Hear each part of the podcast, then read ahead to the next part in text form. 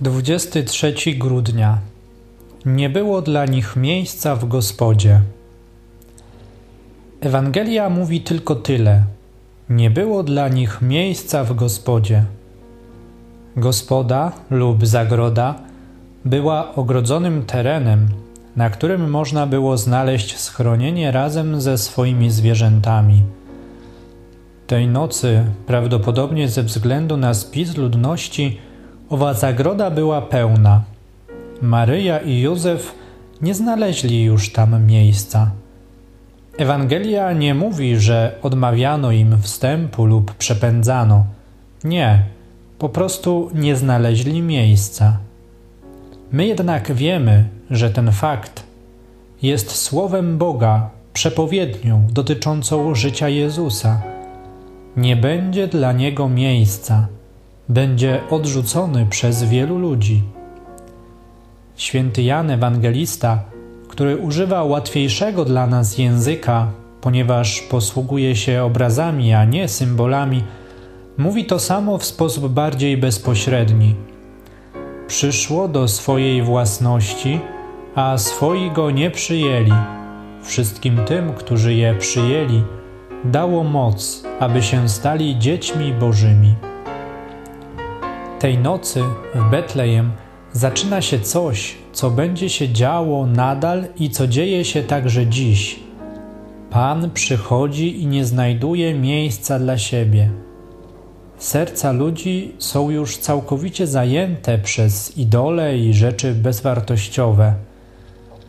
Ale to jest nieszczęście nasze, nie Jego. Wobec tego pierwszego odrzucenia w Betlejem nabierają wartości słowa Jezusa skierowane do niewiast jerozolimskich.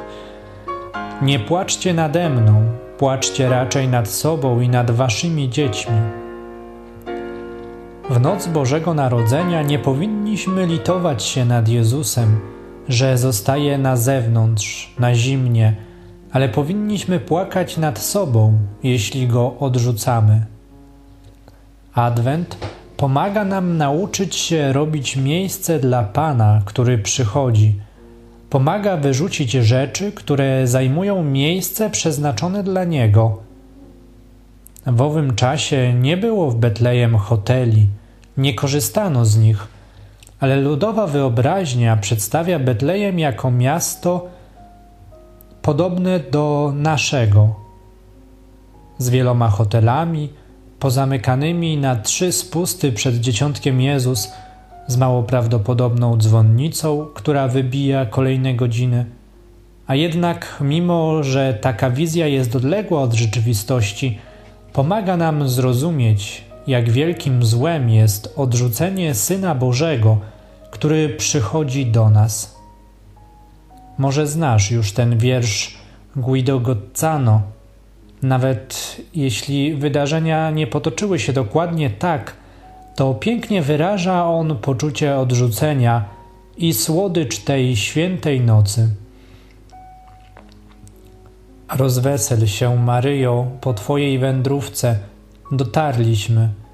Oto Betlejem ozdobione trofeami.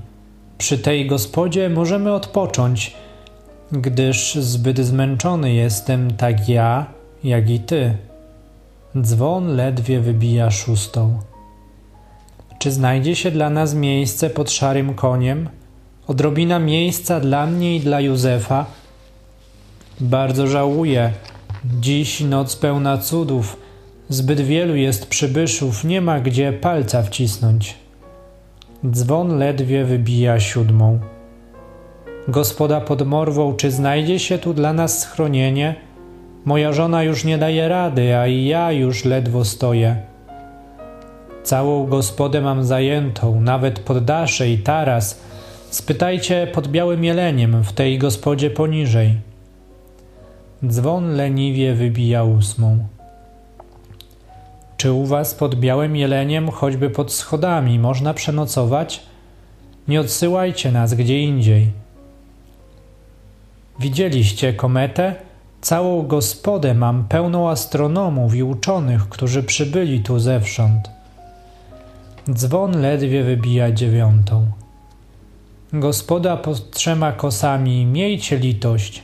Popatrzcie w jakim stanie i po jakiej podróży tu przybywamy.